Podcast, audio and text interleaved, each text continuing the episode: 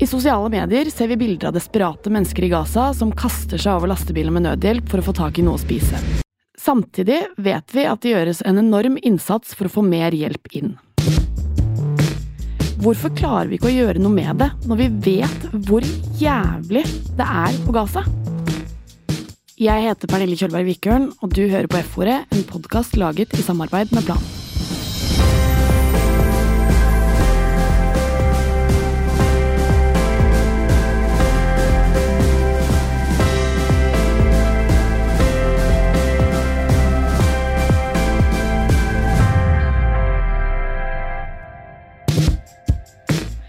I dag skal jeg snakke med Kari Helene, Ingunn og Karina fra Plan International Norge, som nettopp har vært i Jordan og Egypt og møtt mennesker som jobber dag og natt for å hjelpe til. Kari Helene, Karina og Ingunn fra Plan, velkommen til F-ordet. Tusen takk. for det. Dere har jo nettopp vært i Jordan og Egypt for å se hva som skjer med den hjelpen til Gaza, og hvordan liksom nødhjelpen eh, distribueres. Og Kari Helene, dette her er jo også veldig nært for deg fordi du er rammet så personlig. Eh, mannen din er palestiner, og hans familie er på Gaza nå. Hvordan går det med de? Som så mange andre på Gaza nå, så har de jo mistet eh, alt de eier og har. Mm. husene er eh, helt ødelagt, nabolag er ødelagt. eh, så de, eh, vår familie, bor eh, nå i Rafa-området i eh, telt. Altså plastduker, eh, egentlig. Hvor eh, vår nærmeste familie, da. Eh, de bor jo der da både med foreldre, besteforeldre og barn. Ja. Eh, så det er jo fire små jenter mellom to og seks som, som også bor i de, de teltleirene. Og de er jo kjempeslitne nå, for nå har dette pågått så lenge. Og i tillegg til all den sånn redselen med ved at det er bombing hele tiden, det er dronelyder eh, hele tiden, hele døgnet over dem, eh, og skyting. Så det gjør jo at du hele tiden at du blir helt utslitt mentalt eh, og fysisk, egentlig. Men i tillegg til det så er det jo nå ekstrem matmangel. Så, så det siste som, eh, som vi fikk fra, fra min svigerfar, da, vite det var at nå har den eh, familien på ti, de har nå til sammen åtte bokser med bønner eh, å dele. Det er Ja. det de har.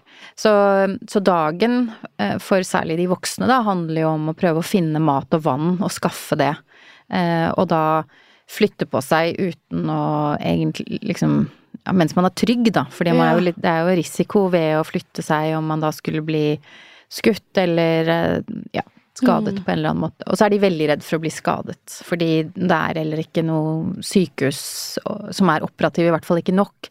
Sånn at det å være skada på Gaza nå det er egentlig som de sier, da, så sier de at jeg er mer redd for å bli skadet enn å dø, faktisk. Ja. Eh, fordi at du da ikke vil kunne få den behandlingen du, du trenger, og vil leve i veldig store smerter. Mm. Så, så det, er, det er veldig sliten eh, familie vi snakker med. Ja. Det er det. Som, som, og de deler jo skjebne med veldig mange på Gaza.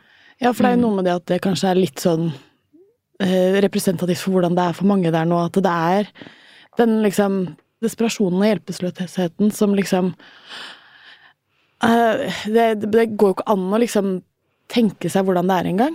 Nei, jeg syns de detaljene de forteller er liksom ganske, ganske grusomme, og også Ja. litt sånn hvordan de minste barna blir utrolig avhengig av foreldrene. De er liksom kjemperedde hvis, eh, hvis moren er litt borte fra teltet, ikke sant. Så blir det sånn, hvor, hvor er de Altså man, fordi alle kjenner sånn på den redselen for å miste noe, da. Ehm, så så det, det er det fysiske presset, det er redselen for uh, frykten, helt reell frykt for, for liv og helse. Eh, og så er det det mentale som, uh, som tærer på, og det, det vil jo sitte i folk. Dette er jo noe et menneske aldri glemmer. Nei, nei. Så det å bearbeide det også en gang når det blir andre tider, det blir jo også viktig, da. Og bare for å sette litt i perspektiv, hvis det er en toåring, da, så er jo fem måneder 25% av livet, liksom. Altså sånn Det er jo en ganske stor del av livet som har vært liksom kritisk, kritisk Mm. livsfarlig, liksom. Mm. Ja, det er det. Det er det. Og så er det òg det at det ikke er noen barnehager eller skoler. Så, så det er heller ikke noe annet enn det å leve så tett med den nærmeste familien din, det å ikke ha noe avbrekk. For barn er det også mye å være i teltene. Mm.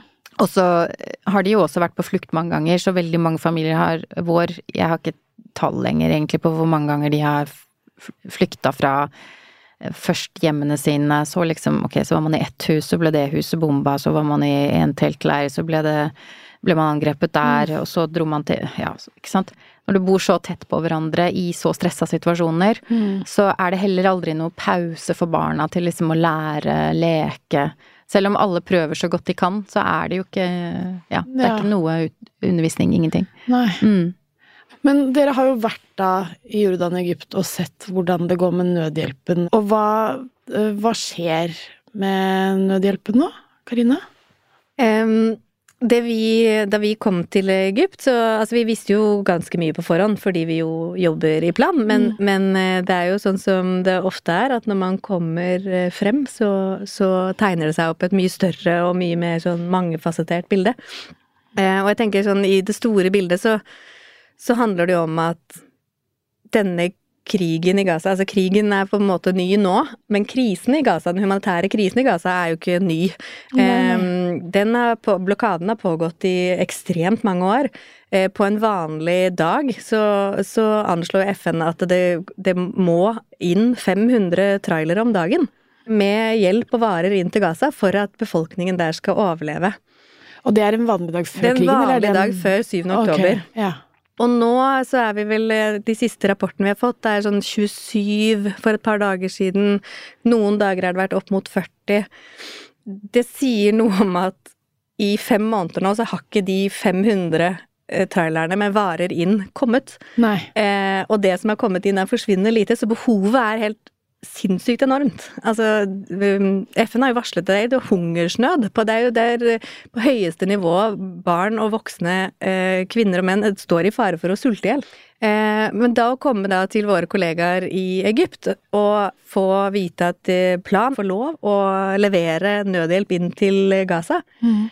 var jo fint på, på en måte, men allikevel så er det en, en, en dråpe i havet, og det handler jo om mange grunner til at ikke det kommer inn mer hjelp. Det står kilometervis med trailere eh, på grensen. Som er klare Eh, å liksom Eh, også FN anslår jo at de også er nok til å liksom fø hele befolkningen hvis alle de hadde sluppet inn. Mm. Men der er det jo Det er Israel som bestemmer hva som får lov å komme inn, og det er Israel som bestemmer hvem som får lov å komme inn. Mm. Em, det er em, demonstrasjoner på grenseovergangene. Det er på en måte mange årsaker til at for lite hjelp kommer inn. Eh, men, eh, men jeg tenker at det viktigste i det er at når det går an å komme inn, og når det blir mulig, så skal det i hvert fall være helt eh, klart. Eh, sånn at eh, ved en eh, åpning av grensen eller ved en en, forhåpentligvis en eh, fredsavtale, Mm. så, så står man klar og kan rykke inn veldig, veldig raskt.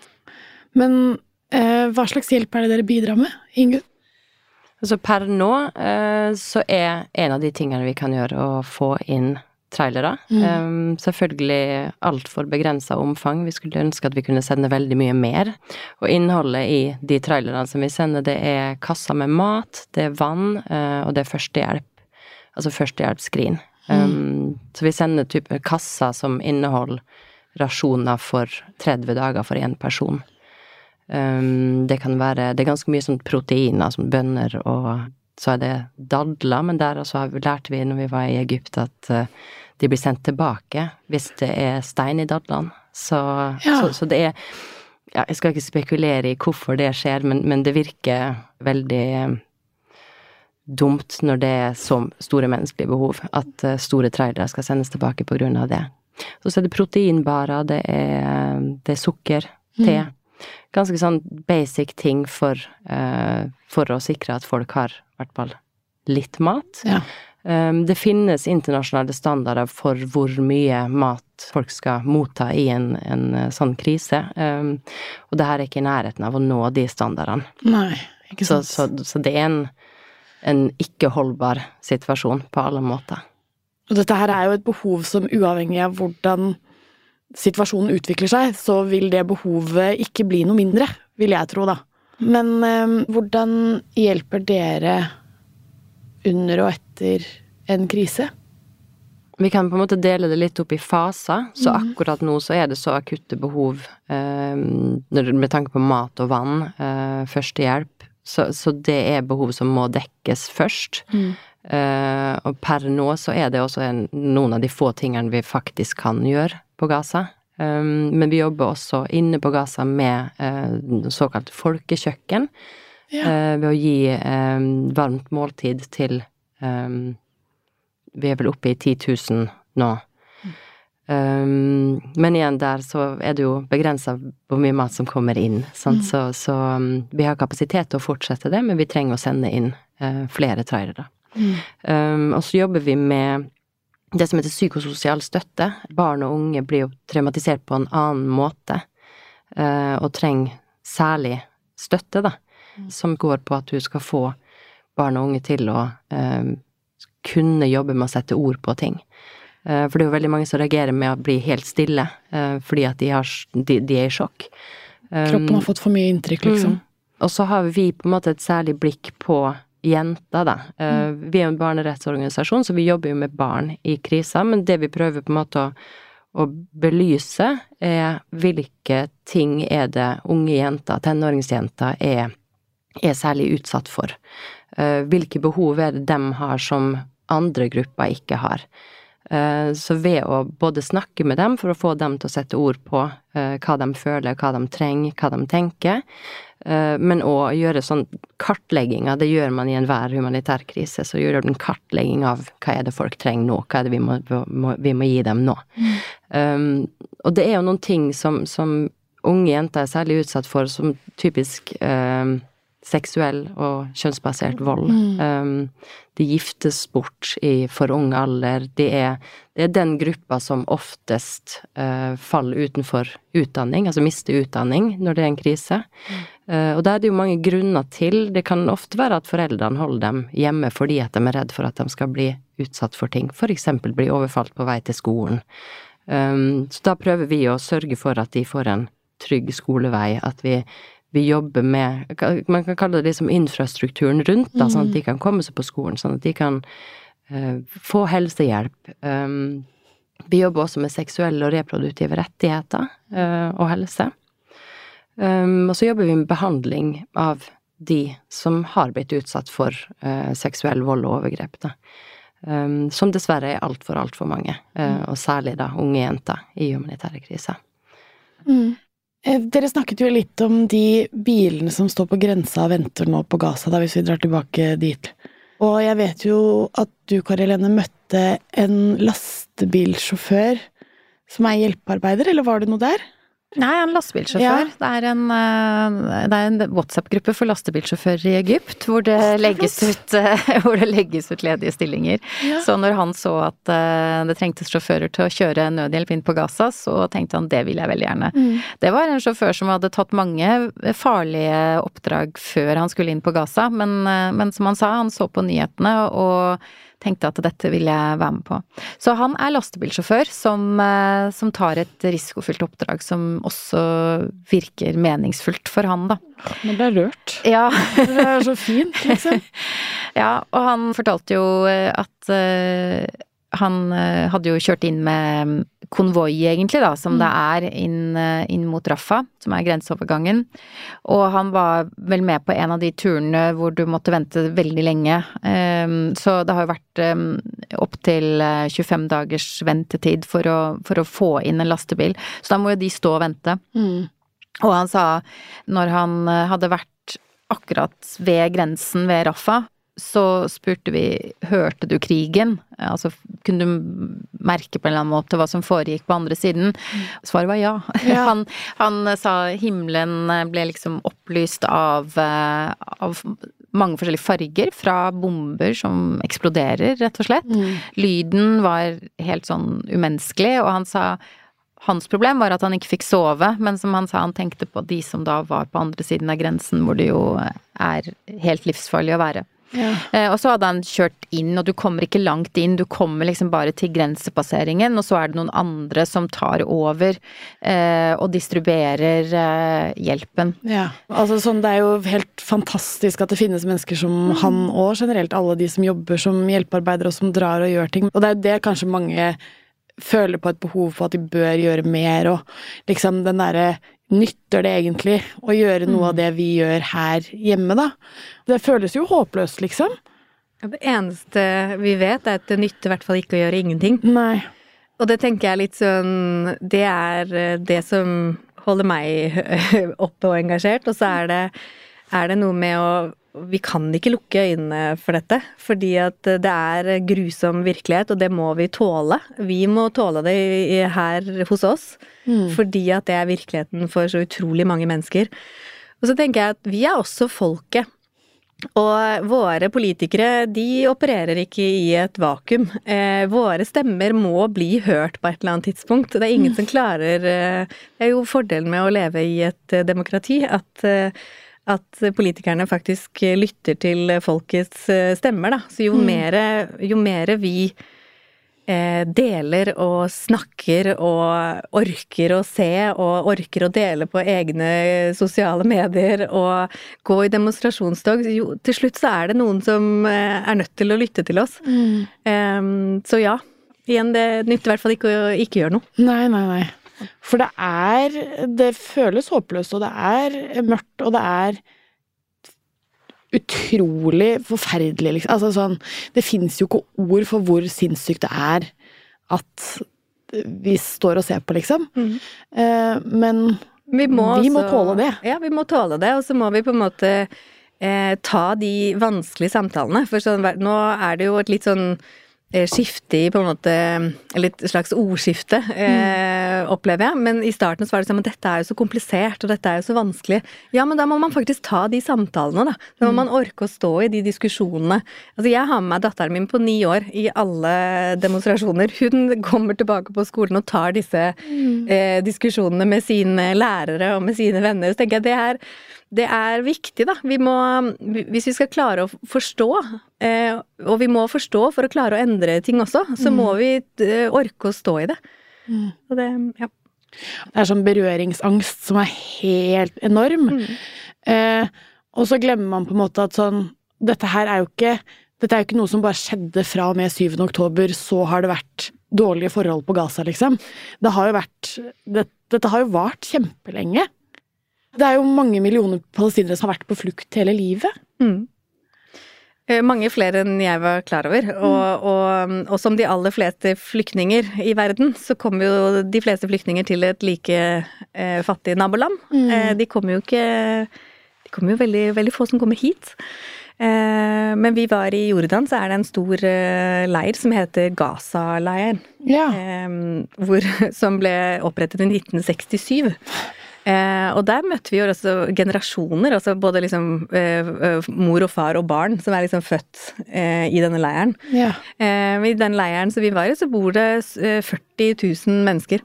Mm. Eh, og der Jeg vet ikke hvordan man skal forklare hvordan det er. Det er jo en, en, på en måte en by helt uten noe som en vanlig by har. Altså Ja. i forhold til utdanningsinstitusjoner, helsehjelp, eh, fritidsaktiviteter. Ingenting eh, fins. Og, og når man har eh, flere generasjoner med mennesker som vokser opp helt uten, uten noe fremtid, så eh, gjør jo det også noe med liksom dynamikken eh, der inne. Altså, Ja. vi, vi, vi møtte mm, ungdommer som var litt sånn ja, vi, det er jo viktig med utdanning, men hvorfor skal vi egentlig det, da? Vi får jo ikke vi, Jeg kan bli lege, men jeg får jo ikke lov å praktisere som lege.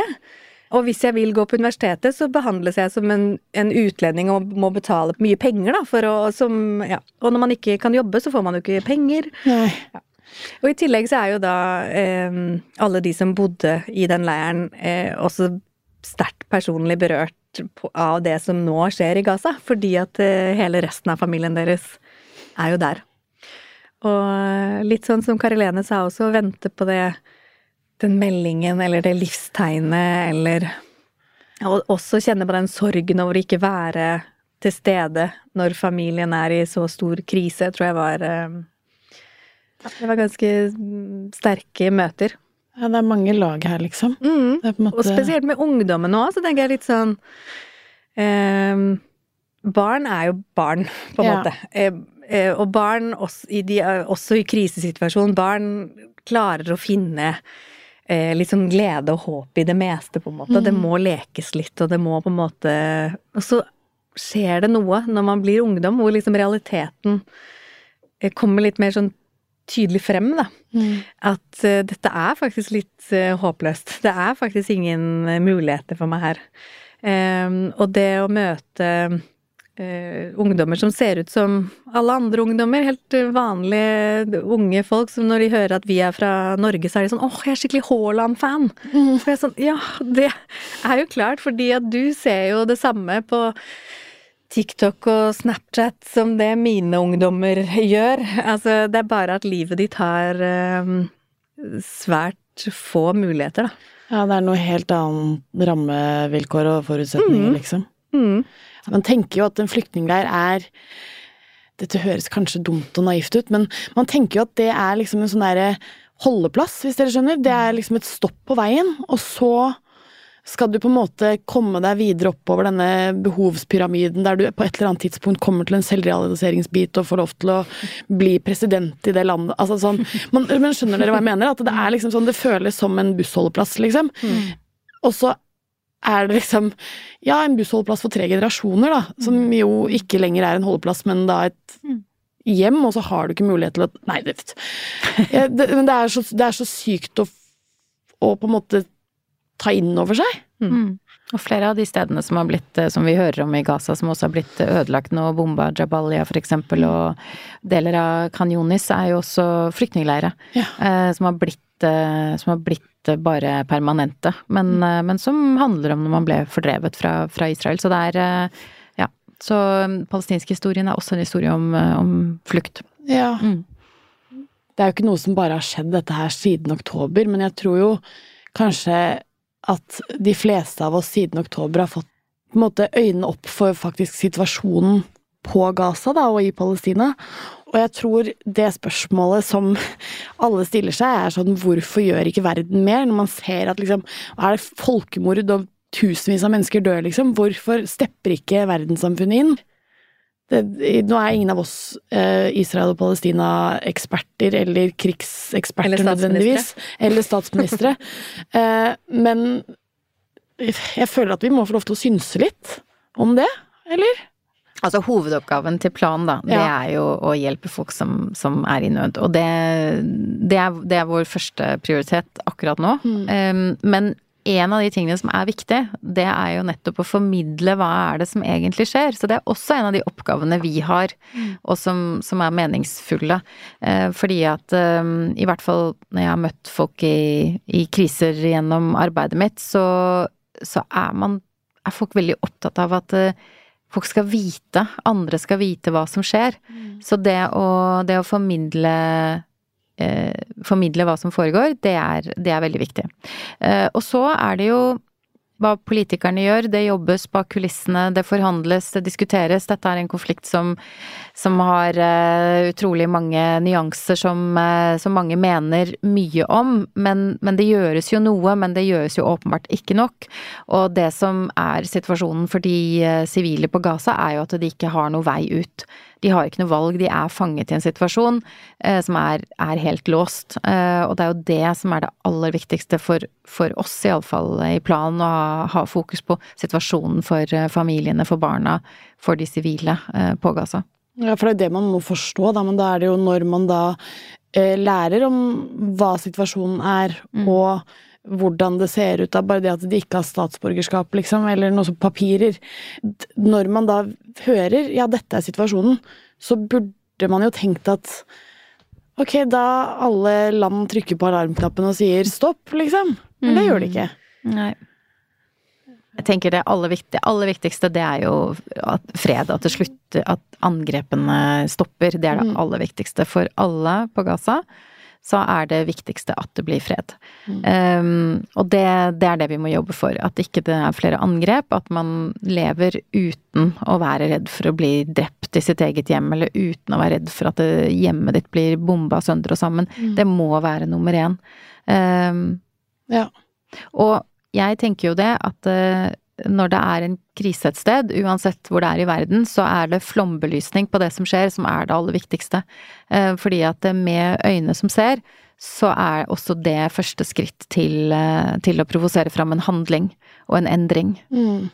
Og det er vårt Eh, det er vår, eh, jeg, vår plikt, egentlig. Hvis mm. vi, hvis vi, vet noe, hvis vi har mulighet til å bruke stemmen vår, så er det vår plikt å bruke den, mener jeg, og det gjelder uansett hvilken krise ja. uh, og hvilken situasjon det er, og det gjelder jo nå på Gaza. Mm. Um, og vi må ikke bli trøtte av å formidle hva som foregår, vi må ikke se bort. Fordi når vi ser bort, så, så kan vi være helt sikre på at ikke det skjer noe politisk endring heller. Mm. Det er jo ikke heller til å stikke under en stol at det er ikke alle som har mulighet til å bidra økonomisk når sånne her ting skjer, med støtte til da Plan eller andre hjelpeorganisasjoner. Eh, hva er det andre måter vi kan bidra på? Ja, eh, del. Eh, eh, spre. Eh, skriv under.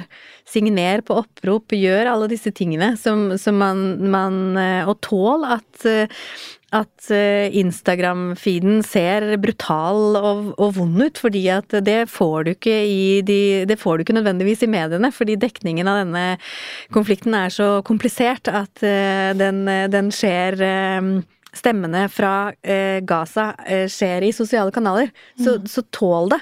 Eh, og del, og la verden vite hva som skjer. Fordi eh, eh, ordet, altså ordene våre, har makt. Mm. Eh, så bruke ordene våre. Ja. Det er viktig. Åh, nei, men dere, tusen hjertelig takk for besøket, og takk for at dere har delt av både deres kunnskap og erfaringer og tid. Det har vært uh, utrolig uh, på en måte trist å høre på, men også veldig fint at dere gjør den jobben dere gjør. Til slutt så vil jeg bare minne dere på om at det fremdeles er et stort behov for nødhjelp i Gaza, og du kan bidra til livreddende hjelp eller støtte Plans nødhjelpsarbeid fast hver måned. Vips til 135332, eller gå inn på plan-norge.no.